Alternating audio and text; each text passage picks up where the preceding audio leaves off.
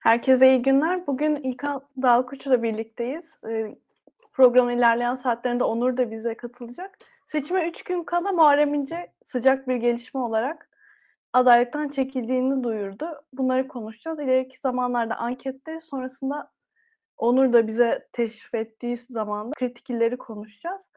İlkan hoş geldin. Seni görmek çok güzel. Ne diyorsun Muharrem İnce'ye? Hoş bulduk Aybüke.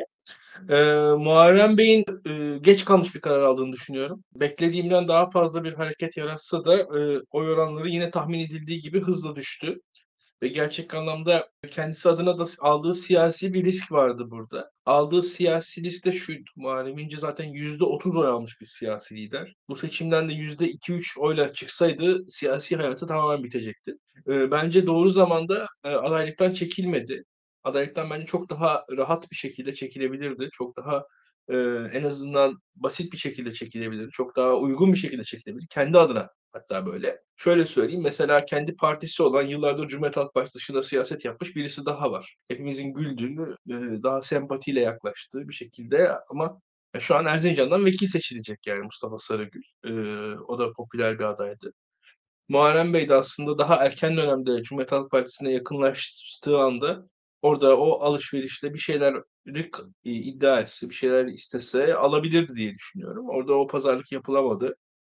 E, ve bu iş bu noktaya geldi. Özellikle Muharrem İnce açısından şöyle bir durum var e, Aybüke e, Muharrem İnce'nin kendisi var. Bir de tabii partisi var. Memleket Partisi var. Memleket Partisi'nin alabileceği yani yüzde bir, iki oy falan çünkü Memleket Partisi barajın altında kalacak ve oylar tamamen boşa gidecek. Bu oylar da şöyle söyleyeyim yüzde birlik oy neredeyse Cumhuriyet Halk Partisi'ne 10 vekil kaybettirebilir. Yani teknik olarak öyle bir fark var orada. O 10 vekilin de hemen hemen yarısı 5 vekili falan Adalet ve Kalkınma Partisi'ne doğrudan gidecek. Yani hatta hani 5 CHP'den eksilip 5 Adalet ve Kalkınma Partisi'ne gidecek vekil anlamına gelecektir diye tahmin ediyorum özür dilerim. Yine bir iki vekil belki e, İyi Parti'ye de kaybettirir. Hani e, İyi Parti'ye CHP'nin kaybettirmesi sağlayabilir. Öyle bir ihtimal de var. Ee, yani böyle bir basit hesap yapıldığı zaman Muharrem İnce açısından tabii bence hatalı bir hareket oldu. İnce e, şöyle bir noktada yapabilir dedi. E, özellikle Erzurum saldırısından sonra aslında e, çekilseydi bence e, hem e, çok daha zarif bir hareket olurdu hem de kendisini anlatabilirdi. Siyaset bir hikaye anlatma işi. Şu aşamadaki siyasi e, çekilmesi zaten e, fiilen de çok etkili olmayacak. Bunu da söylemek lazım çünkü oy pusulaları çoktan basıldı. Yani bugün hepimiz e, pazar günü sabah e, takım elbiselerimizi giyip en güzel kıyafetlerimizle beraber erkenden kalkıp o Barış Manço'nun bugün bayram şarkısındaki gibi sandık başlarına doğru gittiğimiz zaman Muharrem İnce'nin fotoğrafını da e, oy pusulalarında iki oy pusulasından bir tanesi de göreceğiz. E, Memleket Partisi'nin de yine oy pusulalarını göreceğiz. Ve aslında fiilen değişen bir şey olmayacak. Hatta yani ben birazcık da çekindim. E, Muharrem Bey'in e, şöyle ki yaptığı pozisyonda çekiliş hali falan e, hoş değildi. Ha ama şunu da söyleyeyim bu arada Muharrem Bey hakkındaki iddiaları da aşağılık buluyorum. Yani e, o iddialar, iddiaların sürdüş şekli falan 5. E, sınıf ilkellik olarak görüyorum. Gerçekten de yani bu bu cemaatçi tayfanın yaptığı rezillikler bitmiyor. Yani ne yapmaya çalışıyorlar bilmiyorum ve kimsenin de umurunda değil böyle şeyler şu an Türkiye'de. gerçekten de ben yani şöyle söyleyeyim cidden o kadar umurunda değil ki bu kim ne yapmış ne etmiş falan. Ha, belki şöyle olsa yani işte bir favor falan bir en azından yolsuzlukla bağlantılı bir şey olsa hadi diyeceğiz anlayacağım ama öyle bir şey de yok. sadece manasız iddialar. Hoş da gelmedi bana. ama asıl meselenin burada tabii oy oranı olduğu açık.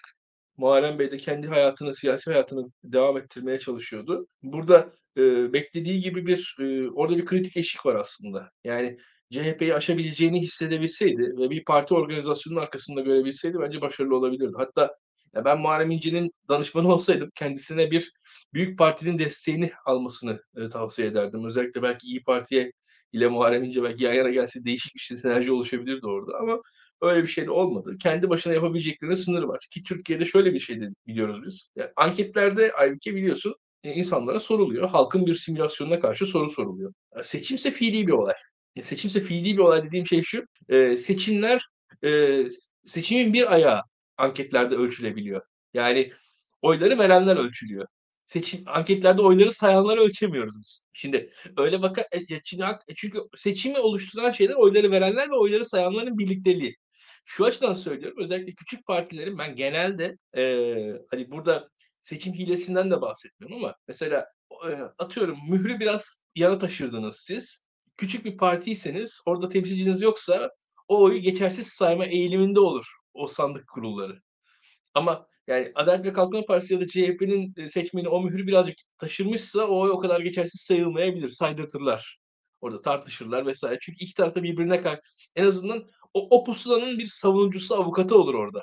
Yani diyelim ki benim e, mührü vurduğum pusulanın o mühür biraz kaymış, kırışmış, şöyle olmuş, yırtılmış veya kırışmış. O mührü mührün vurulduğu pusulayı savunan birisi sandık kurulunda varsa durum farklıdır. Savunan birisi yoksa durum farklıdır diye düşünüyorum. Ki genelde şöyle söyleyeyim e, sana. Yani küçük partilerin oyları bence genelde daha yüksektir. E, ama biraz o büyük partiler o oyları yavaş yavaş kendi içlerinde e, azaltırlar e, seçimlerde. Bu gene yasaldır bu da. Yani bu da seçime dairdir yani. Onu da söylemem lazım. E, ya bu hile değil yani bu anda. Şey. Hile bile değil. Ki için daha hile kısımları var yani. Ve burada e, şunu söyleyeyim o yüzden e, özellikle Muharrem Bey'in bir örgütü olmadan da e, adaylık e, adaylık hikayesinde bulunması falan gerçekçi de değildi. E, buradan tabii şöyle söyleyelim. E, biz şunu göreceğiz. E, Muharrem Bey'in e, seçmenlerinin e, ciddi bir kısmının ben Kemal Bey'e yöneleceğini düşünüyorum bu noktadan sonra. Hatta yani e, Kemal Bey'e şu ana kadar yönelmeyen seçmenlerin de hepsinin aslında ikinci turda ben yönelmek durumunda kalacakları kanaatindeydim uzun zamandan beri. E, eğer ikinci tura kalırsa ki 200 lira kalmaya da bilir. Bakalım beraberce göreceğiz. Hissettiklerim bunlar. İnsanlar, izleyicilerimiz e, bizi beğen, beğensinler. Yayınımızı paylaşsınlar. Bu arada onu da ekleyelim. E, yayınlarımız devam edecek. Seçime kadar sık sık yayınlar yapmaya devam edeceğiz. Muhtemelen seçim gecesi de Aybüke senle, Nezih Onur Kuru'yla, yine Maya'yla e, Daktilo 1984 ekranlarında olmaya devam edeceğiz. Artık kaç saatlik bir yayın olur, nasıl bir yayın olur her şey tamamen belli değil. Yayının peşinden gidiyoruz şu anda. E, onları da beraber izleyeceğiz. Seçim gününe kadar devam edeceğiz. Şu aşamada şu gözüktü. Evet. Muharrem son haftalarda ciddi bir oy kaybı olduğu gözüktü. Oy kaybının bir kısmı artık e, Kemal Bey'e doğru yönelirken bir kısmı Sinan Oğan'a yöneldi. Şu an Sinan Oğan'da biriken bir oy, grup, oy veren grubu ortada duruyor hala. Benim gördüğüm kadarıyla. Evet, e, ya Sinan Oğan da çok e, son birkaç haftada ben çok fazla Sinan Oğan destekçisi gördüm. Hatta yani şaşırdım. Bu kadar yüzde iki çıktı değil mi Konda'da? Onun dışında yani şunu düşünüyorum. Bu seçim zamanı işte olur da muhalefet kaybederse ki geriye dönüp bakıldığında hep o anla ince hatırlanacak. Oyları bölmüştü. Ee, işte muhalif seçmenin e, muhalefet kazanırsa da ince hatırlanacak ki Öyle bir durumda evet. ki e, şu anda evet çekildi ama öyle bir noktada çekildi ki pusulada da durmaya devam ediyor Muharrem İnce aslında. Pratikte çekilmiş bir durum yok. Yani orada evet. adı duruyor ve e, neticede oy pusulası diye bir şey var ve oy pusulasının bir anlamı var diye düşünüyorum. Yani o yüzden şu aşamada çekilmesi çok da anlamlı görmüyorum yani o yüzden. Hatta ya bu oy pusulalarının sıralaması belli olduğu sırada artık çekilme zamanıydı. Bir ay öncesinden biz bahsediyorduk. Ben o, o zaman geçtikten sonra çekilmenin çok çok anlamı olduğunu düşünmüyorum. Zaten e, seçmenini ne kadar taşır taşıyamaz meselesi var ki e, özellikle şöyle söyleyeyim. Zafer Partisi, Memleket Partisi artık hatta hatta ucundan da tip şu an Cumhuriyet Halk Partisi'nin parti olarak oylarını azaltma ihtimali. Yani %30'lar seviyesine çıkıp çıkmayacağını CHP'nin aslında biraz bu belirleyecek ortada. Bir de işin parlamento boyutu var. Bunu da eklemek lazım. Şeyde ise artık Cumhurbaşkanlığı seçimlerinde beraber göreceğiz. Yani benim hissettiğim kadarıyla e, seçimlerin ikinci tura kalmama ihtimali var. Bakalım beraberce artık az zaman kaldı birçok anket açıklanıyor. Ee, bana ilginç gelen sonuçlar var açık konuşayım. Yani anket şirketlerine dair de kafamda bazı şaibeler de oluşuyor. Yani hem kimi sonuçların son anda açıklanmasını enteresan buluyorum. Son hafta aniden değişen oy oranlarını yine enteresan bulduğumu söylemem lazım anket şirketlerine dair. Bunlar da bana garip geliyor. E, bütün bunların yanında e, özellikle bakalım birçok ankette de bu konuda şu an çok konuşuluyor biliyorsun onu aslında yansıtabiliriz. Ee, eğer teknik arkadaşlardan ellerinde imkan varsa bir konuda anketi üzerine konuşalım. Şimdi mesela burada da bu anketin tartışmasında Erzurum'daki yaşanan olaylardan önce yapıldığı söyleniyor anketin. Ve enteresan bir şekilde bana da yani şu ankette çok ciddi bana garip gelen bir şey var. Kemal Bey'in son hafta böyle bu kadar öne geçmesi bana enteresan geliyor. Yani e, özellikle paralel gitmişken e, onu ilginç bulduğumu söylemem lazım. Yani tam anlamıyla anlamış değilim. E, Muharrem Bey'in oylarının azalmasını evet görüyordum ama Muharrem Bey'in oyları azalırken e, Sinan Oğan oylarında da artış var. O tarafı doğru, mantıklı yani. Çok e, herkesin az çok görebildiği bir şey. Ama Muharrem Bey'in oyların azalması trendinin ben daha net bir şekilde Kılıçdaroğlu'na daha önce gözükeceğini düşünüyordum. Yani hani farkın birazcık daha fazla olduğu birkaç ay öncesinde de kanaatindeyim açıkçası. Çok konuları tamamen aynı düşünmüyorum. Konuların anketlerine karşı birazcık daha benim rezervim var açıkçası. Ee, şunu görebiliyorum ki biraz e, ilgiyle izleyeceğiz. Bakalım. Ya bir de şunu da düşünüyorum. Saha ya biz işte bu yılın başından beri hep şunu konuşuyoruz. İşte İyi Parti, Cumhuriyet Halk Partisi, işte yok Deva kendi logomuzla çıkacağız. Hani çok fazla tartışma vardı. Acaba bu tartışmalar artık duymuyoruz. Yani bunun da bir etkisi olmuş olabilir mi? Hangi bu tartışmalar? ya da fazla etki ediyor muydu? Ya mesela işte e, İyi Parti CHP Hı gerginliği hı. diyorduk. İşte Deva Partisi ayrı bir şey söylüyordu.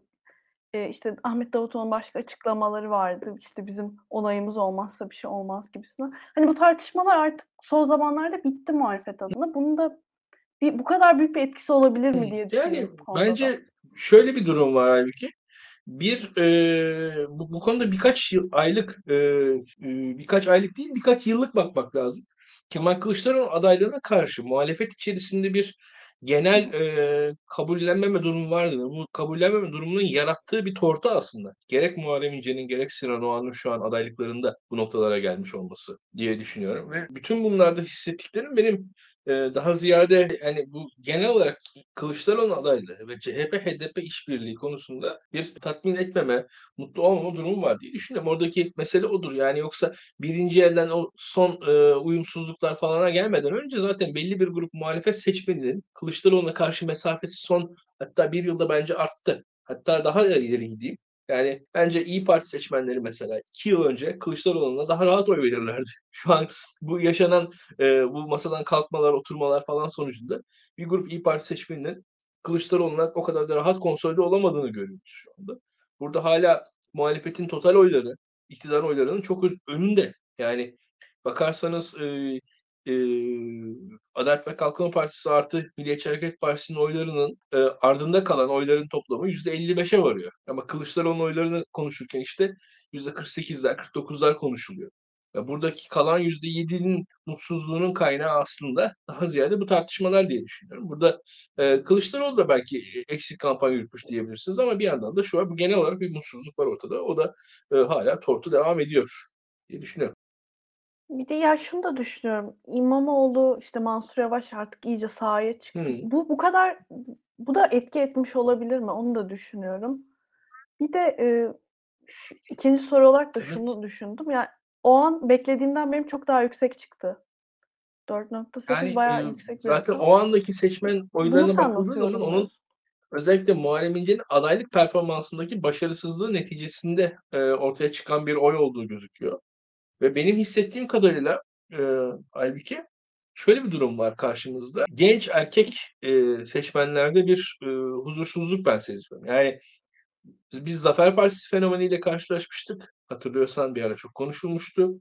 Arkasından e, Memleket Partisi e, fenomeni, Muharrem İnce fenomeniyle karşılaştık. Şimdi e, o anla karşılaşıyoruz. Bunlar e, tabii ki farklı farklı noktadaki e, kişiler. Ama şöyle bir şey var. Burada bir ortaklık nerede var? Ortaklık daha ziyade birazcık daha e, tırnak içinde yerli milli söyleme yakın. E, birazcık daha milliyetçi pozisyonda. İHA, SİHA vesaire konularına birazcık daha ilgili. Birazcık daha genç ve erkek seçmende ben bir rahatsızlık e, en azından Kılıçdaroğlu'ndan tatmin olmama hissiyatını görüyorum. Biraz orada Kılıçdaroğlu imajından mutlu olmama, Kılıçdaroğlu'nun belki yani tırnak içinde daha alfa görmeme falan yani öyle şeyler e, seziyorum, sezinliyorum en azından seçmene baktığım zaman. E, burada benim gördüklerim bunlar ve e, benim gördüklerim bunlar ve benim gördüklerimin içerisinde şöyle bir şey var halbuki yani karşımda e, bir, bir grup seçmen hakikaten tam tatmin olamıyor. Yani bunlar ailelerinden de e, aynı fikirde değiller. Daha ziyade gençler ve e, ben İnce konusunda İnce hakkında daha olumlu görüşenler, görüş belirtmiş olanlarla belirtmiş olmayanlar arasındaki farka bakıyorum. Sen de ifade ettin daha önce yayın öncesinde mesela. Yaşı ilerledikçe bir insanın İnce'ye olan sempatisi azalıyor genelde. Bu tesadüf değil gerçekten de. Siyasi olarak çok da angaja olmayan. Yani hani şöyle söyleyeyim. Mesela Cumhuriyet Halk Partisi'ne bir noktada 4-5 defa oy verdikten sonra eee, angaje oluyorsunuz partinin, eee, aldığı karara da daha saygılı oluyorsunuz. Ancak genç seçmenler bu kadar parti bağına sahip değiller ve o yüzden de oyları daha hareketli olabiliyor. Oy verme tercihleri daha değişken olabiliyor.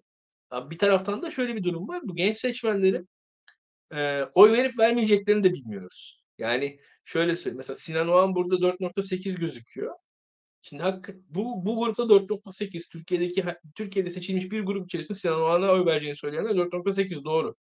Ancak bu 4.8'in ne kadarı sandığa gidecek? Ondan emin değilim ben. Yani özellikle sandığa gitme E, tabii ki. Ama şöyle bir şey var, ya sandığa gitme Ya ya da 18 alışkanlıkları, mi? açısından da bakmak lazım. Yani, eee, sandığa gitme alışkanlıkları, sandık tecrübeleri çünkü sandık alışkanlık meselesidir gerçekten de. Yani, ııı, şimdi Aybüke sen kaç defa oy verdin mesela? 2 defa. Hayatında ilk Eee, defa bir şey, seçimde oy vermişsin. 2 daha kere verdim. muhtemelen hayatının ilk genel seçimini yaşayacaksın şu anda? Yani ilk defa bir cumhurbaşkanı seçeceksin mesela. E, sonuçta bir alışkanlığın yok. Daha öncesinde ya şöyle Evet. söyleyeyim, daha önce verilen her oy senin hı. için de, o oyu veren için de bir yükümlülüktür. Yani şöyle bir durum var. Tayyip Erdoğan'a oy veren, Tayyip Erdoğan'ın yaptıklarından da kendini sorumlu sayar. Muhalefete oy veren, muhalefetin yaptıklarından da kendini biraz biraz da ne olursa olsun sorumlu sayar. Bu yüzden de verilen oy seni oraya da bağlar. Zaten, eee, oradaki ilişkiler de sen bu konuları da konuşmayı da seviyorsun. Yani karşı taraf bir, eee, en azından bir ilişki için bir şey ortaya koyarsa o ilişkiye daha fazla bağlı olur mesela. Böyle anlatayım. Yani gerçekten de o oy veren, oy verdikçe oy verdiği partiye daha fazla bağlanıyor. Oy verdikçe oy verdiği partiye daha fazla bağlanıyor. Bugün, eee, hepimiz soruyoruz işte, şöyle bir ekonomiye Tayyip Erdoğan nasıl bu kadar oy alabiliyor diye. Doğru, haklısınız ama orada şöyle bir durum da var. Çok fazla sayıda insan da onlarca defa Tayyip Erdoğan'a oy vermiş insanlar var. Bugün ya Tayyip Erdoğan'ın yaptığı yanlış dedikleri zaman onlarca defa yanlış karar vermiş olduklarını da kabullenmiş olacaklar. Birçoğu veremiyor bu kabulü. Yani bu kabullenmeyi başaramıyor. Ve o yüzden Tayyip Erdoğan da, eee, kara devam etmeye yani şöyle söyleyeyim, bu ilişkiye çok fazla yatırım yaptı, çok fazla, eee, emek sarf etti, ayrılmıyorum. Böyle insanlar yok mu etrafında? Var. E, onun gibi düşün. Biraz, eee, o ilişki de böyle. Yani birçoklarının ımm, siyasetle ilişkisi de böyle. Cumhuriyet Halk Partisi ile ilişkileri de böyle. Adalet Kalkınma Partisi ile ilişkileri de böyle. HDP ile ilişkileri de böyle. Bu karar kolay değişmiyor birçokları açısından. Biraz öyle görüyorum. Eee, bu aşamada, eee, gerçekten de gençler tabii bir bir aşama daha farklı gördüğüm kadarıyla. Yani gençler burada bir aşamada daha farklı. Gençlerde henüz daha kararlar belli değil. Birazcık daha dalgalı bir durum var. O bağlılıklar tam oluşmamış durumda. Muhtemelen 1-2 seçim sonucunda bir stabil ilişki siyasi partilerle kuracak o gençler ve o siyasi partiye bağlı olarak devam edecekler hayatlarına diye düşünüyorum.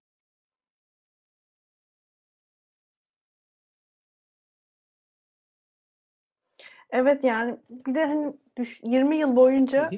sadece sandığa gidip oy vermiyorsun. Eşine dostuna da söylüyorsun. AK Parti şöyle yaptı, böyle yaptı. 20 yıl boyunca hata yaptım demek de aslında toplumsal olarak da insan, hani, psikolojik olarak da kolay kabullenebileceği bir şey değil. Ya onun ben, dışında bakıyorum ankette ilginç bir sonuç olarak ne söyleyeyim? Mesela ben şunu da düşündüm. Emm, AK Pa mesela AK Parti'nin Hüdapar'la olan, eee, Hımm. işte, ittifakın bir Yok, sonucu katılmıyorum. olarak da o ana Ben kayabileceğini katılmam. düşünüyorum. Eee, hatta Katılır mısın? şöyle söyleyeyim, eee, yani, ben, eee, o Katılmaz konuda, eee, şöyle, yani, şu an etrafımdaki seküler milliyetçi insanlar, eee, Hüdapar'a bir seküler milliyetçi tepkinin olduğunu düşünüyorlar kendilerince. Ama ben birazcık daha yaşlı bir insan olarak 90'ları hatırlıyorum. Yani 90'lardaki Hüdapar zaten kendisini anti PKK duruşla Hüz Hizbullah, eee, tanımlamış ama bunu teröre de, eee, bulaştırmış bir yapıydı. Ve bu açıdan da, eee, 90'larda Türk milliyetçilerinin, eee, MHP'lilerin, eee, sağ milliyetçi, yani sağ milliyetçi kökenli, İslami milliyetçi kökenli insanların çok çok da rahatsız olmadıkları bir yapıydı. Hatta şöyle bir şey var, daha safkan İslamcı, eee, pozisyondan gelenler Hüdapar'dan rahatsızlardı. Çünkü mesela çok basitçe söyleyeyim, Hüdapar'ın, Hizbullah'ın bir İran bağlantısı hep konuşulur açıkçası. Adı bile Hüda, yani Hüda Farsça bir kelimedir mesela. Partilerini, eee, kurarken seçtik. Hür Dava Partisi, Hüda'nın, Tanrı'nın mesela Tanrı Partisi olmaz Hüdapar'ın adı açıkçası. Hüdapar yani Hür Dava Partisi kısaltması Hüda olması da tam öyle rastgele bir tercih değil. Ben özür dilerim. Özür dilerim bu arada. Ee, ya o da rastgele bir tercih değil. Ee, bu açıdan ben Hüdapar'ın analizlerinde herkesten biraz ayrışıyorum. Yani Tamam. Hüdapar konusunda e, şöyle söyleyeyim. Mesela yani e, Hüdapar'la yeniden Refah'ın yan yana gelmesi bile daha zor olabilir Milliyetçi Hareket Partisi'nin yan yana gelmesinden. Yani Hüdapar e, ki yeniden Refah'ın içerisinde her zaman Erbakan kaynaklı biraz bir hafif İran'a sempati vardır ama yani oradaki pozisyonları farklıdır diye düşünüyorum ve Hüdapar'ın e, çizgisinden rahatsız olacak asıl yapıların ben daha ziyade mesela atıyorum ya mesela Cübbeli Ahmet Hoca'nın Hüdapar'dan Milliyetçi Hareket Partisi'nden daha fazla rahatsız olacağını düşünüyorum. Yani benim bu konudaki kanaatim biraz farklı sizden. Yani çünkü Cübbeli Ahmet Hoca İran ilişkisine, İran ilgisine, İran'la alakaya e, daha fazla antipatik yaklaşan, birazcık daha tırnak içinde mezhepçi pozisyondan yaklaşan birisi. O yüzden mesela yani Fatih Erbakan şu an ikinci bölgeden aday. E, bakalım seçilecek mi göreceğiz İstanbul ikinci bölgede ki e, Fatih Çarşamba'nın da olduğu bölge. Fatih Erbakan ne kadar oy alacak ben merak ediyorum. Düşün hani Fatih Erbakan aday olmak için orayı seçmişti. Not edelim yani. yani tüm Türkiye'de her yerden aday olabilecek yani Fatih Erbakan. İstanbul ikinci bölge milletvekili adayı. Bakalım bir bağımsız aday gibi aslında orada var olacak, olmaya çalışacak. O da 100 bin oy alabilecek mi? 80 bin oy alabilecek mi? Tip için konuşuyoruz ama İstanbul ikinci bölgede bence bir Fatih Erbakan ihtimali de var. Yani Fatih Erbakan e, seçilir mi seçilmez mi bir vekil meclise sokabilirler mi sokamazlar beraberce göreceğiz. Yani benim burada Hüdapar konusundaki tavrım biraz öyle. Yani daha ziyade e, İslami kesimin bir rahatlığı, rahatsızlığının konu olacağını düşünüyorum Hüdapar'da. Öyle milliyetçilerin, e, yani seküler milliyetçilerin tepkileri e, zaten Adalet ve Kalkınma Partisi'ne çok sempatisi olmayacak insanlardan e, konuşulan, gelen tepkiler onlar. Onlar zaten kolay kolay e, Adalet ve Kalkınma Partisi'ne oy vermeyecek bir kitleydi diye düşünüyorum. Orada bir öyle bir bağ falan görmüyorum.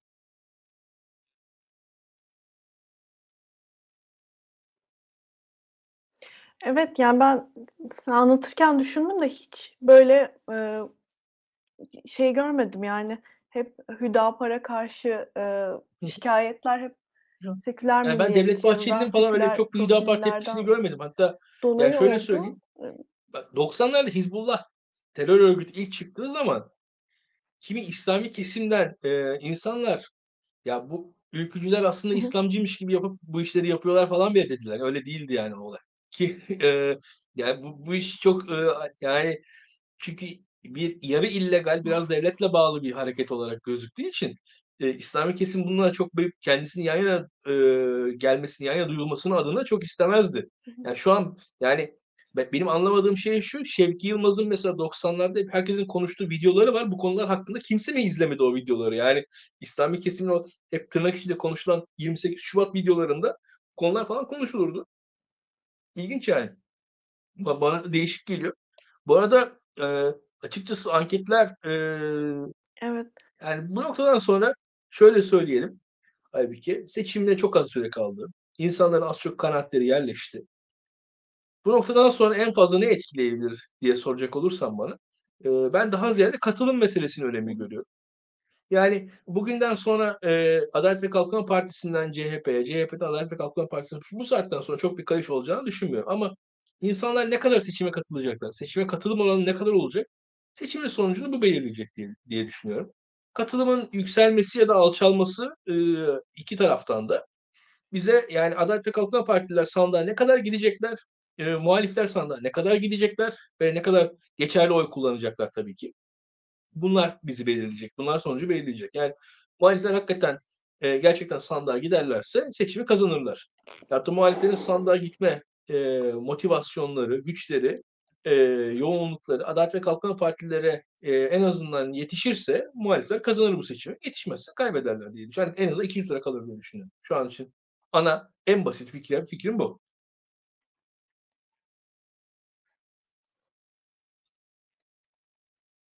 Evet yani özellikle bugün Konda'nın açıkladığından sonra bir motivasyon ben görüyorum. Mesela şu, şu olabilir mi İlkan hani bir mesela AK Parti seçmeni yıllarca işte desteklemiş e, dediğin gibi işte 20 yıl boyunca oy vermiş fakat bu özellikle ekonomik kriz belli tartışmalı konulardan sonra Şimdi şöyle sandığa gitmemezlik yapabilir mi? Bence ikna olabilir iktidara yakın seçmen. Ama sandığa gitmeme konusunda da şöyle belki e, geleceğe dair bir güvensizlik olursa sandığa gitmeme olabilir diye düşünüyorum. Orada şu an için ne Ali Babacan e, ne Ahmet Davutoğlu olmaları beklendiği kadar iktidarın e, noktasında e, ha, iktidarın noktasında kendisini göstermiyorlar. Kendisini yani iktidardan oy alamıyorlar. İktidar, iktidar seçmeninden şu an muhalefetin tek şansı sandığa gitmemesi. Sandığa gitmeme konusunda da e, benim açımdan en ciddi kriter şuydu. Tayyip Erdoğan'ın sağlığı. Tayyip Erdoğan'ın sağlığı konusunda ciddi bir şüpheleri olursa iktidara yakın seçmenin sandığa gitmez. Bence bir öyle bir noktası var işin. O da şu an işte halledilmiş gözüküyor. Yani ben özellikle o e, konuyu biraz öyle izledim. Büyük mitingler yaptığı, ciddi bir e, görsellik ortaya sunduğu, e, artık Tayyip Erdoğan daha az çıkıyordu ama son zaman son hafta yeterince kamuoyunun önünde de göz önünde de gözükmeye başladı. Bu da gayet fark ettirdi diye düşünüyorum. Yani şu aşamada da sonuçları bence 200 lira kalıp kalmayacak. Katılım belirleyecek. İnsanlar sandığa giderlerse e, veya gitmezlerse ona göre bir sonuç çıkacak. Bu saatten sonra e, sağdan sola, soldan sağa bir geçiş olmaz. Nezih hoş geldin bu arada. Onur hoş geldin. Hoş bulduk. Ya sana anketi soracağım ama anketten önce İnce'nin çekilmesi hakkında ne düşündüğünü soracağım. Sonra ankete geçeriz. Yani ankette birlikte de konuşabiliriz aslında. Tamam ankette birlikte. Yani zaten o anlatıyor şeyi. Şimdi team araştırmasında da biz e, ilk adaylık ilan edildiğinde e, Muharrem İnce %16'larda bulmuştuk. Sonrasında e, Mart'ın sonu %12 yemişti. Konda'da da Nisan'ın başına %10'a indiğini görüyoruz.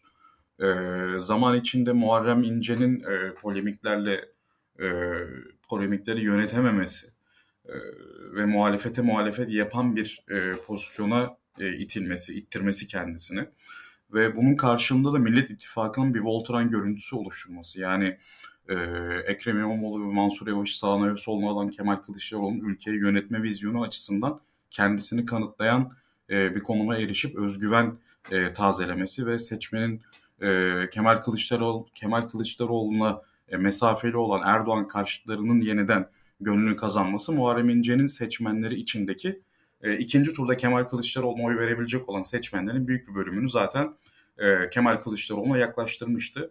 E, bu sayede Kemal Kılıçdaroğlu %44'lerden 49'lara çıkarken konuda verisine görüldüğü üzere e, Muharrem İnce ondan ikiye gerilemişti.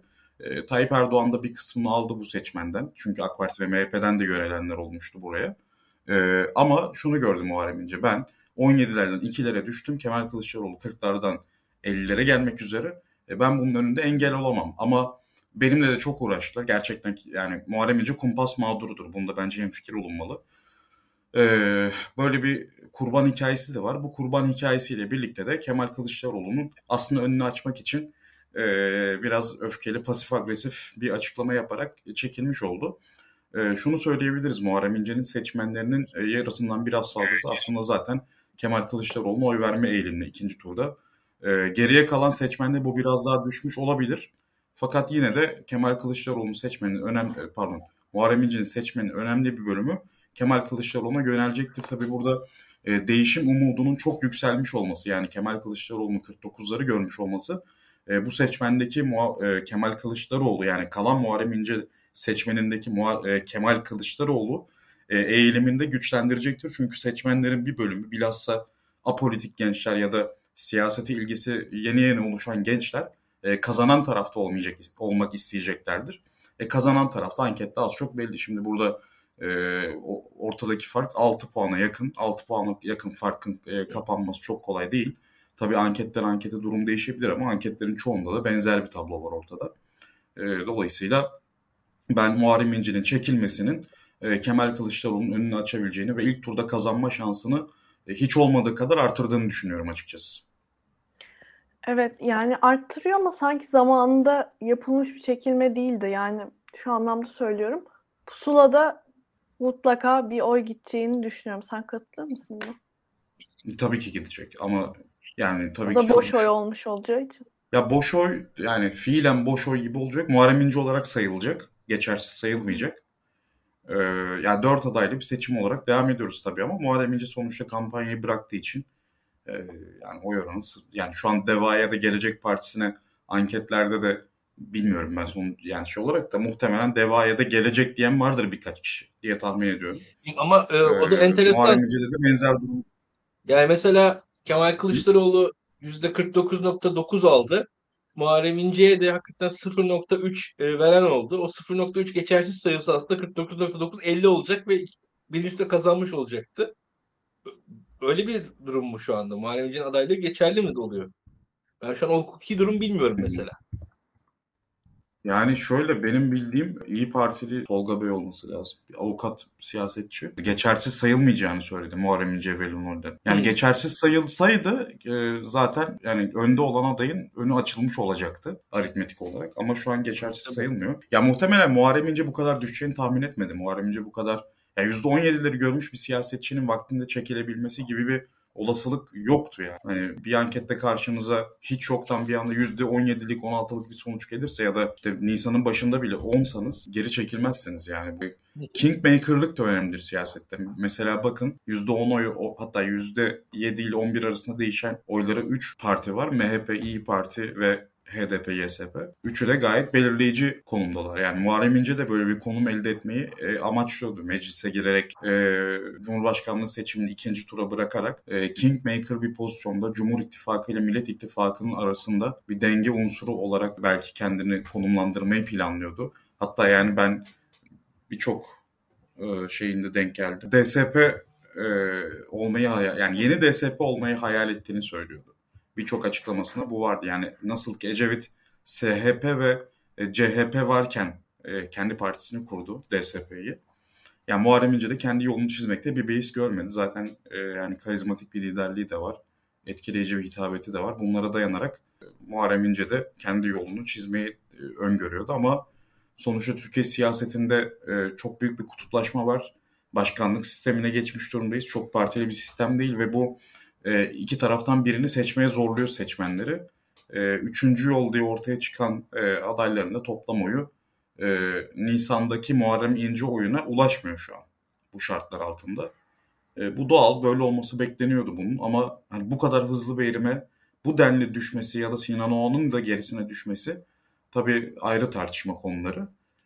Ama bence Muharrem İnce zaten az önce benim katıldığım Cüneyt Özdemir yayınında e, Şaban Bey katıldı. Muharrem İnce'nin yakınlarından gazeteci. Şaban Sevinç. O da açıkça şey söyledi. Yani Konda anketi gördüğü için Konda'nın anketine de itibar ediyor. Kemal Bey'in 49'larda e, kalıp da kendisinin iki aldığı bir senaryoyu istemedi ve çekildi. Zaten kumpaslardan da yorulmuş, sağlığı da iyi değildi. E, zaten konuşmasını yaparken de pek iyi görünmüyordu Muharrem İnce. Bence Babalı TV'deki performanslarında da pek iyi değildi. Yani hasta hasta durmuyordu evet ama çok da eskisi kadar de, e, genç görünmüyordu. Mesela şunu e, sosyal medyada görmüşsünüzdür işte Ekrem İmamoğlu, Babacan ve Muharrem İnce benzer yaştalar. E, benim bildiğim kadarıyla. E, ama Muharrem İnce çok daha büyük görünüyor onlardan. Hani biraz yaşlanmış görünüyor. E, belki de hani bu tempoyu kaldıramadı. Çok ağır geldi çünkü hem e, bir yerden sonra e, iktidar cenahı da yüklenmeye başladı e, yer yer. Yani belki sosyal medyadan ya da medyadan değil ama e, onu hani medyadan silecek bir pozisyona soktular. Daha arka planda bırakacak şekilde. E, yani sonuç olarak Muharrem İnce'nin zaten bir yerde bence çekilmesi gerekiyordu. Ben hafta başına tweetler de attım. Çekilince, vekilince diye. E, yani bekliyorum çünkü bu kadar düşme trendinde olan bir siyasetçi e, yani Sinan Oğan'ın da gerisini tamamlamak istemezdi seçim bence.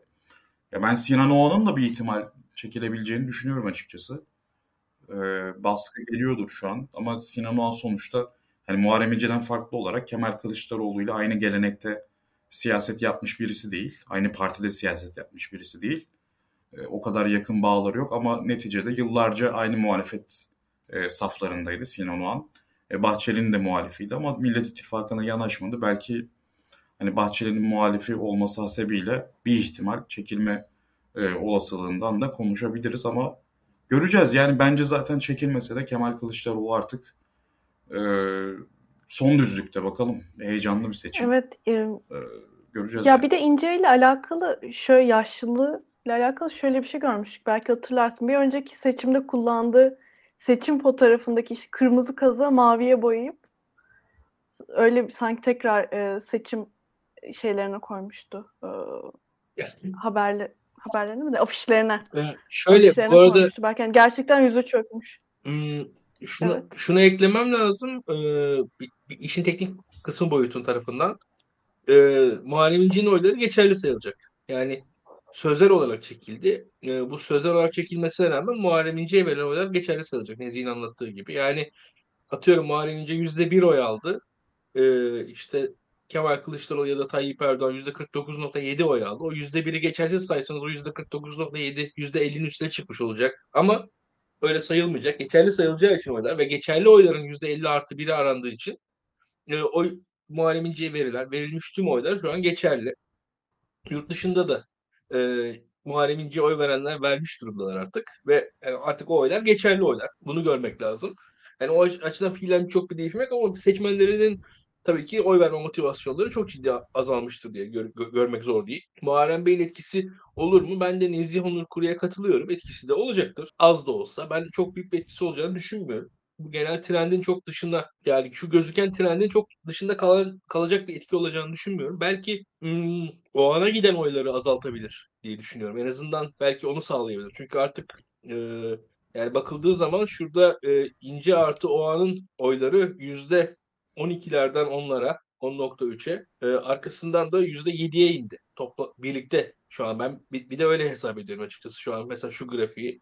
Yani %12'den %7'ye inmiş bir oy trendi var ikisinin toplamının. Aslında bu trendin e, devam etmesine yani ikisinin toplamının belki %5'lerin altına indiği zaman da herkesin orada ortaklaştığı analiz o bence. Muharrem İnce artı Sinan Oğan'ın toplam oyu %5'in altına inerse bu seçim ilk turda bitebilir gözüken o. Ve e, İnce'nin çekilmesi kararı da bunu sağlayabilir gibi duruyor. Özellikle bakalım Cumhuriyet Halk Partisi e, ekibi de konuda belki birazcık daha e, özellikle bu seçmenin de biz az çok genç erkek seçmenlerden oluştuğunu biliyoruz. E, mülteci meselesi gibi meselelerde belki işte atıyorum bedelli askerlik gibi meselelerde falan vaatler gelebilir bu günlerde belki ben şaşırmam. Birazcık öyle son günde ne yapılabilir derseniz işte bu tarz hareketler görebiliriz. Çok da trend değişmez. Genelde pozitif kampanyanın sürmesi gerekir ama illa son gün açıklanacak şeylerin biraz bu tarafa yönelik olacağını e, öngörebiliyorum kendi adıma.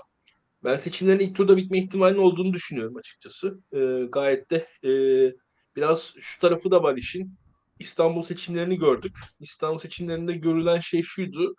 E, aslında aynı halk, aynı insan grubu ama aynı insan grubundan, aynı seçmen kitlesinden iki farklı sonuç birkaç ay içerisinde çıkabiliyor. Bunun da temel e, belirleyicisi e, Nezih'in çok defa ifade ettiği gibi aslında e, hani insanların hakkaniyeti değil mesela. Katılım. Yani şurada bu sonuncu aşağı ya da yukarı e, mesela şu e, oy mesela şu gördüğümüz oy tablosunda bile Tayyip Erdoğan kazanma şansı var. Nasıl var? Katılım biraz değişirse Tayyip Erdoğan çok rahat kazanabilir. Yani Erdoğan seçmenleri %5 daha fazla katılım seçime katılsınlar e, Kılıçdaroğlu seçmenleri %5 daha seçime katılsın ve şu an e, sonuçlar bir anda değişebilir.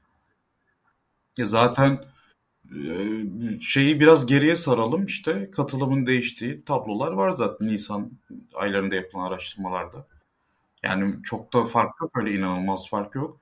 Ya aslında seçimler biraz kelle sayımı. Yani kabaca bunu söyleyebiliriz.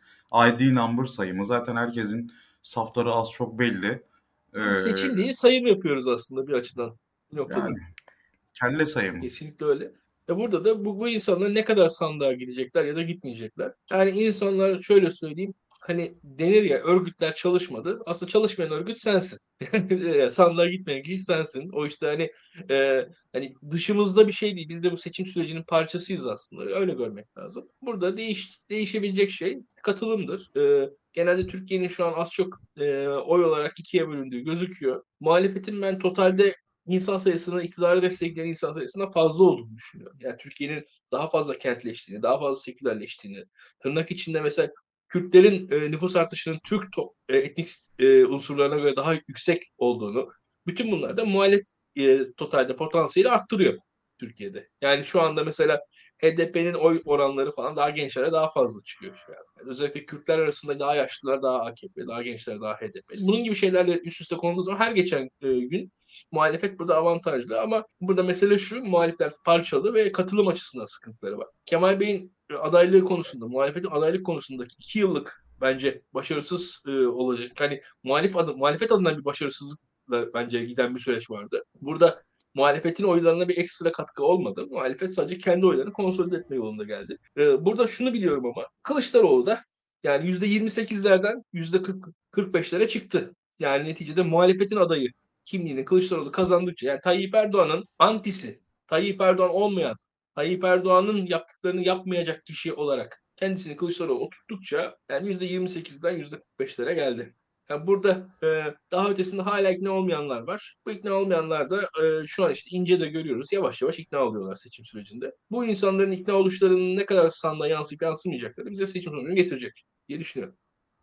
Onur, e, bana açıkçası o anın beklediğimden çok daha yüksek çıktı. Sen böyle bir şey bekliyor muydun?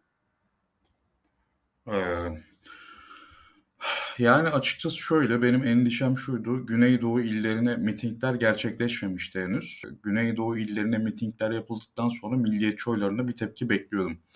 Ama bu oyların nereden geleceği önemli. Şimdi tam bilgisine vakıf değilim hani hangi partilerden yani mesela İyi Parti'den file var, MHP'den mi geliyor oylar? Bunun yani açık bir veri yok buna dair. Ee, ama sonuç olarak e, Muharrem, pardon, Muharrem İnce ve Sinan Oğan'ın oylarının toplamına bakmak gerek diğer kategorisinde biraz da e, birbirine yakın e, seçmenler tabii Sinan Oğan seçmenleri daha sağcı. Muharrem İnce seçmenleri arasında apolitikler, merkez sol, merkez pozisyonu biraz daha güçlü. E, AK Parti'den gelenler de daha çok Muharrem İnce'ye giderken MHP'den gelenler Sinan Oğan'a gidiyor. E, yani burada Sinan Oğan'ın tabii seçmeni biraz daha Erdoğan'a yakın. Hem Konda verilerinde hem de e, team verilerinde biz bunu gördük. Yani Muharrem İnce biraz daha Kılıçdaroğlu'na yakın seçmen. Sinan Oğan daha Erdoğan'a yakın seçmen.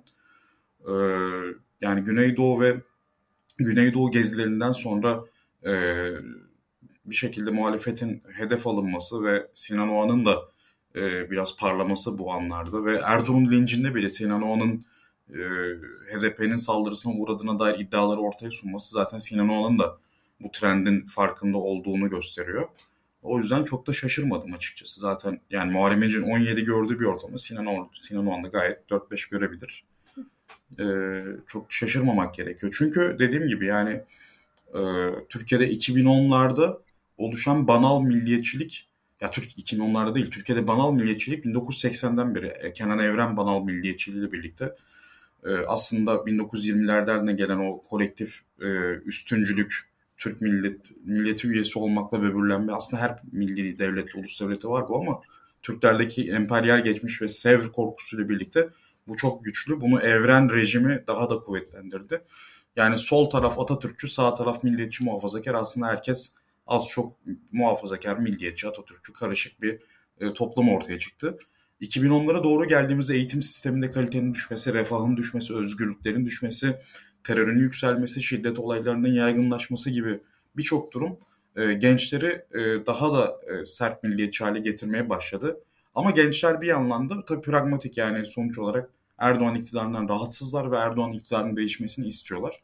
Ee, birçoğu Ekrem İmamoğlu, Mansur Yavaş gibi değişim aktörlerinin sığındı ama dediğim gibi o tehdit unsurlarının büyüyor olması, HDP'nin şeytanlaştırılması, bir yandan da Kürt siyasi hareketinin Kürt siyasi hareket demeyelim ona biz. Yani PKK'nın açıkçası PKK ve PYD'nin maksimalist davranması 2010'lu yıllarda tak gibi örgütlerin yani o az önce bahsettiğim PKK, PYD'nin öz yönetim iddiası, tak gibi örgütlerin sivil katliamlarına başlaması, işit saldırıları gibi e, terör saldırıları insanların can güvenliği konusunda endişeli ve öfkeli olmasına neden oluyor. Bu, böyle bir grup da e, alternatif arıyor. Yani sosyal demokratları bu konuda yumuşak buluyorlar, e, liberal görüyorlar tırnak içinde. E, milliyetçi muhafazakarları da işte tırnak için yine İslami görüyorlar Türkiye'de. E, İslami olmayan ama milliyetçi e, aktörler arıyorlar. O boşluğu da yer yer işte dolduran aktörler karşımıza çıkıyor. İyi Parti biraz böyleydi ama sonuçta İyi Parti CHP'nin müttefiki. E, bunu Ümit Özdağ işte biraz ortaya çıkardı. Dijital milliyetçilik yaparak ama Ümit Özdağ'ın e, tarzı e, çok da kitleselleşecek bir partiye e, dönüştüremedi Zafer Partisi'ni. Ama Muharrem İnce mesela sadece ultra milliyetçi gençleri değil aslında Kemal Kılıçdaroğlu'nun e, ve Erdoğan'ın tarzından da rahatsız olan gençleri de birleştirdi. Apolitikleri de birleştirdi beraberinde. E, böylece e, bu dalganın ne kadar büyüyebileceğini ortaya koydu. Fakat dediğim gibi günün sonunda Türkiye'de çok büyük bir ekonomik kriz var. Evet güvenlik krizi var ama çok büyük bir ekonomik kriz var. Bir otoriter rejim var ve bir değişim umudu var. Gençler e, anne babalarının e, refah seviyesine ulaşamıyorlar. Kiralık evlerde kalamıyorlar. Üniversitelik hayatlarının, üniversite öğrencilik hayatlarında e, yurtlar sıkıntılı. E, yani telefon alamıyorlar. Ev araba hayali kuramıyorlar. Evlilik hayali kuramıyorlar. Hatta ilişki hayali dahi kuramıyorlar. Yani çünkü hani e, dışarıya güzel bir restorana gitmek, gezmek, bir şeyler içmek, bir şeyler izlemek bunlar çok maliyetli hale geldi. Yani lüks haline geldi bunlar. E, hatta yani birçok ailede ben şey biliyorum hani Netflix üyeliği bile bile demeyeyim yani Netflix üyeliği zaten lüks görülüyor. Ne bileyim yani şeyler bile tartışılıyor artık işte. E, cep telefonu faturası da artık bir tartışma konusuna dönüşmüş durumda alt orta sınıfta. E, daha da aşağıya indiğimizde zaten part-time çalışan insanlar çok sayıda. Yani Türkiye'de değişim arzusu günün sonunda ağır basıyor ve e, bu seküler milliyetçiliğin milliyetçiliğin potansiyeli gözümüzün önünde çok büyük olsa da e, aktüel olarak yani güncel olarak o potansiyele ulaşamıyor. Çünkü değişim umudunu sağlayan taraf Millet İttifakı. E, Millet İttifakı da günün sonunda ülke güvenliğine dair e, vaatleri var. Göçmenler konusunda AK Parti'ye kıyasla çok daha sert bir şekilde oraya da hitap edebiliyor ve kazanmaya yakın şu an. Tablo. Peki Nezih, e, Konda'nın anketinin bir diğer kısmı da bu parti oylarıydı. Parti oyları konusunda nasıl buldun Konda anketini? Parti oyları konusunda yani Konda İyi Parti ve CHP arasında e, CHP'yi biraz daha düşük İyi Parti görece daha yüksek buluyor. Belki orada bir değişim olabilir çünkü e, birçok büyük şehirde yine CHP'nin adayları daha popüler ve AK Parti'yi geçmeye yakın. Belki CHP'ye bir kayma olabilir İyi Parti'den. Ee, bunun haricinde tip biraz daha düşük olabilir bence. Çünkü e, stratejik oy verme yaklaşımıyla ve katılımın da artmasıyla ben CHP oylarının artacağını düşünüyorum. Kemal Kılıçdaroğlu oy verirken aynı zamanda da CHP'ye oy verecek birçok seçmen olacaktır diye tahmin ediyorum. Ee, diğer partilerin oyu düşecektir diye beklenti içerisindeyim. Belki ya bu, AK Parti, MHP... Bir şey soracağım. Bu diğer partiler e, nedir? Yani Büyük Birlik Zafer Partisi, var. Yeniden Refah'ın da açıkçası e, şeyde olduğunu düşünürsek e, hangi partiyi kastettiğini ben anlamadım yani 3.8 e, Zafer ve Memleket yani, herhalde. Memleket Partisi var, Zafer var. çok yüksek yani oranda. 8 olabilir orası. Yok çok yüksek değil. Yani Öyle Memleket mi? Partisi Zafer, Sinan Oğan'la Muharrem İnce'nin partileri yani. Hmm. Ben o partilerin de eleyeceğini düşünüyorum. Oradan İyi Parti de güçlenebilir bu arada. CHP de güçlenebilir. Ee, yani böyle az çok zaten benzer e, birçok araştırmada artık benzer sonuçlar çıkıyor. Hmm. Onur peki Yeşil Sol e, benim beklediğimden daha düşük çıktı. Bu isim değişikliği de etkili olmuş olabilir mi? Zannetmiyorum. Yeşil Sol Parti iyi örgütlendi. Aslında o oranları ya metropolde biraz daha yüksek mi? çıkıyor. Yeşil Sol benim gördüğüm. 12 civarı çıkıyor. Diğer anketlerde biraz böyle çıkıyor. Yani bu civarlarda alıyor. Şunu gösteriyor. Tipe rağmen yeşil solun onlarda olması kemikleşmiş bir oya işaret ediyor ve e, Kürt demografisinde e, yani gençlerin oranının biraz daha yüksek olması yeni seçmen için belki Kürt seçmen e, oranının daha yüksek olmasına da işaret olabilir. Çünkü baktığımızda seçmen oranı en çok yükselen iller genelde Güneydoğu illeri ve e, İstanbul, Tekir, İstanbul değil pardon, Tekirdağ, Kocaeli gibi e, Kürt illerinden e, göç olan yerler. Ona da işaret ediyor olabilir ama Yeşil Sol Parti'nin ben oranının yani başarılı olduğunu düşünüyorum. Geçtiğimiz seçimlere kıyasla. Çok büyük boy kaybı yok tipe rağmen. Ve CHP bu arada muhtemelen e, Yeşil Sol yani HDP'den CHP'ye dönen de birçok seçmen var. Ya ben hatta Çünkü daha ileri gideyim. Kalmadı. Bana kalırsa yani tip Yeşil Sol'dan aldığından daha fazla CHP'den almıştır. CHP de Yeşil Sol'dan tipin Yeşil Sol'dan aldığından daha fazla almıştır. Yani biraz anlatması zor oldu ama e, yani Yeşil Sol'dan e, tip ne kadar götürmüşse daha fazlasını CHP'den bence. CHP seç potansiyel CHP seçmenlerinden daha fazla götürdü. Oy, oy çektiğini düşünüyorum e, tipin. E, yani Yeşil Sol'dan ziyade. Ancak CHP'nin de e, Yeşil Sol'dan e, potansiyel Yeşil Sol seçmenlerine e, açıkçası tipten daha cazip geldiklerini düşünüyorum. Yani sonuçta Yeşil Sol seçmenlerinin tipe karşı bir antipatisi var ama CHP'ye karşı bir sempatisi var. Neticede Kemal Kılıçdaroğlu'na oy veriyorlar. Orada daha e, hayırhah bir bakış olduğunu iki parti arasında seziyorum. E, tipin pozisyonu aslında CHP Yeşil Sol arasında bir pozisyonken şu an e, daha ziyade CHP'nin e, solu, yani Yeşil Sol'da daha orada bir ayrışmanın olduğunu görüyorum ben kendime. Bakalım seçimden sonra oylar geldiği zaman beraberce göreceğiz e, nasıl sonuçlar olur ama biraz ya orada sezdiğim yani e, açıkçası eski Yeşil Sol seçmeni olup tipe oy veren kimler var? Ben merak ediyorum. Çok da yani 2018'de Yeşil Sol seçmeni hani HDP seçmeni olup, olup, olup da HDP ittifakı ayrıldığı için hep beraber tipe geçen kaç kişi olmuştur? Çok ciddi bence merak konusu benim için.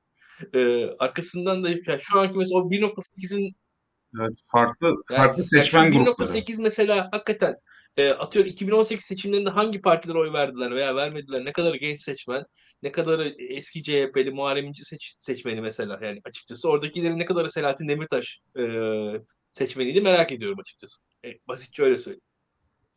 Selahattin Demirtaş'ın popülaritesiyle birlikte Kürt siyasetine hı hı. sempati duymayıp da oy veren CHP'li ailelerde büyümüş insanlar evet. yaşı fark etmeksizin. E, bu insanlar tipi oy veriyor olabilir. Oradan bir kayma olabilir ama Kürt siyasetine sempatiyle bakan insanların ben e, tipe çok çok yaklaşmadığını düşünüyorum. Çünkü onlar pragmatik yaklaşıyorlar. Yani Yeşil Sol Parti zaten hali hazırda vekil çıkarabiliyorken böyle bir riske girmeyeceklerdir. aslında dediğimiz gibi yani ben de dediğimiz gibi ifade Ben de sürekli açıkçası diyorum. Bilmiyorum. Ee, Ekşi Sözlüğe de yazmışlar. Evet dün geçen gün bizim e, team araştırma genel direktörümüz Ulaş Tol'la konuşuyorum yayın, yayın sırasında şey diyor seninle benim olduğum yayında açıkçasılarınızdan yayını dinleyemiyorum. ya burada hakikaten e, ya burada da teknik arkadaşlara söyleyelim bu iş yayınlar e, podcast halinde dönüştürülüyor. Açıkçasıları hepsini silseniz çok daha kısa çok daha zeki göründüğümüz muhtemelen çok daha akıllı hissedildiğimiz yayınlar olacaktır diye tahmin ediyorum. Bizim IQ'yu düşürüyor açıkçası. Yok estağfurullah. Açıkçası dedim bak.